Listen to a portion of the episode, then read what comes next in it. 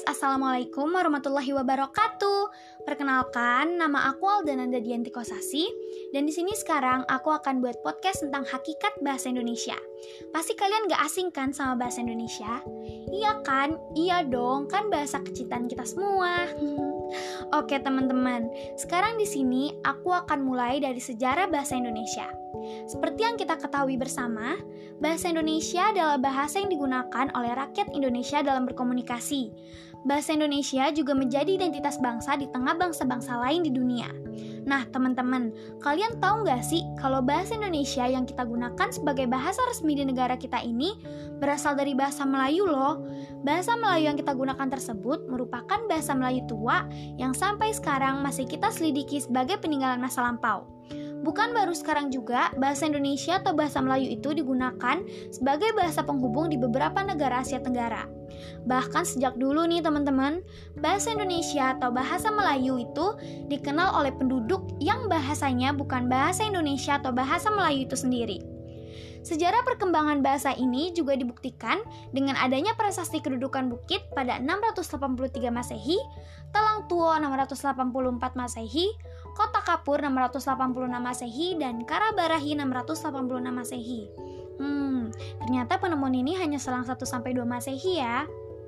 Oke lanjut Bahkan nih teman-teman Ketika bangsa Eropa pertama kali datang ke Indonesia Bahasa Melayu sudah mempunyai kedudukan yang luar biasa Di tengah-tengah bahasa-bahasa daerah di Nusantara ini loh Bahkan Jan Huygen, si pelaut Belanda mengatakan bahwa bahasa Melayu bukan hanya harum namanya saja, tapi juga dianggap bahasa yang terhormat di antara bahasa-bahasa negeri timur. Nah, pada 28 Oktober 1928 lah bahasa Indonesia resmi menjadi bahasa persatuan atau bahasa nasional. Nah, pasti nggak jarang juga dari kalian bertanya-tanya, kenapa nggak bahasa Jawa yang jadi bahasa nasional? Atau kenapa nggak bahasa Sunda aja yang jadi bahasa nasional? Oke, sekarang di sini aku akan sebutin beberapa faktornya. Yang pertama, karena sejarah telah membantu penyebaran bahasa Melayu. Kedua, bahasa Melayu mempunyai sistem yang sederhana dan mudah dipelajari. Ketiga, faktor psikologis. Dan yang terakhir, kesanggupan bahasa itu sendiri juga menjadi salah satu faktor penentu. Nah, selain itu teman-teman, Profesor Sujito menjelaskan secara sederhana alasan mengapa bahasa Melayu yang dijadikan landasan lahirnya bahasa Indonesia. 1. Bahasa Melayu telah digunakan sebagai lingua franca atau bahasa perhubungan selama berabad-abad sebelumnya di seluruh kawasan tanah air kita.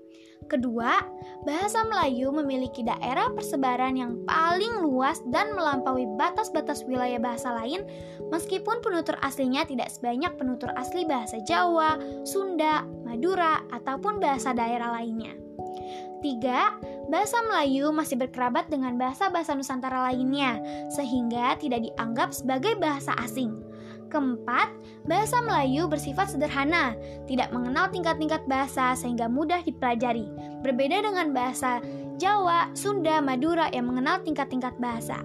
Dan yang terakhir, bahasa Melayu mampu mengatasi perbedaan perbedaan bahasa antara penutur yang berasal dari berbagai daerah.